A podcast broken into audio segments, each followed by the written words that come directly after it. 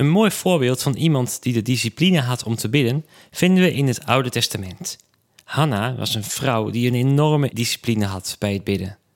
Haar belangrijkste reden voor deze discipline was dat ze heel graag kinderen wilde.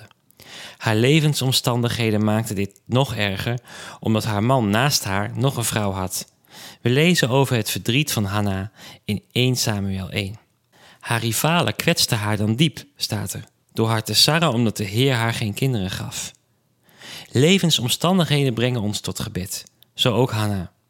Ze gaat tijdens het jaarlijkse bezoek aan Jeruzalem naar de tempel om haar hart bij God uit te storten. En hoe ze dat doet, is voor ons een voorbeeld. Wat ik allereerst opvallend vind, is dat Hanna in stilte bad.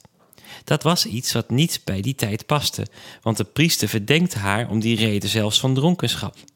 Maar bidden is allereerst iets van ons eigen hart. Dat benadrukt de Heer Jezus later ook in Matthäus 6 als hij zegt: Maar als jullie bidden, trek je dan in je huis terug, sluit de deur en bid tot je vader die in het verborgene is. Hanna stort haar hart uit en doet daarbij ook een gelofte. Als er een kind komt, krijgt God alle eer en is het kind aan hem toegewijd. Dat is de tweede les uit het bidden van Hanna.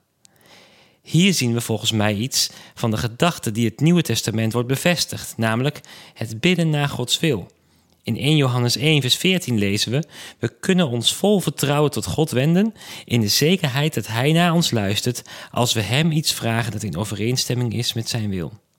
En is het bidden van Uw wil geschieden ook niet een van de dingen die Jezus ons leert in het Onze Vader? Er is nog een derde les te leren uit het gebedsleven van Hanna. Als God verderop in haar leven het gebed verhoort, het blijft natuurlijk een van de mysteries van het geloof, waarom God sommige oprechte, godgerichte en nederige gebeden wel lijkt te verhoren en andere niet, en ze Samuel aflevert in de tempel voor een leven toegewijd aan God, lezen we een prachtig dankgebed van Hanna. En daar gaat het me vanmorgen even om. Hoe vaak danken wij God nadat we Hem ergens om hebben gevraagd? Mijn oproep deze ochtend in de week van het gebed is niet alleen om te bidden, maar ook om te danken. Het is zo makkelijk om dat te vergeten.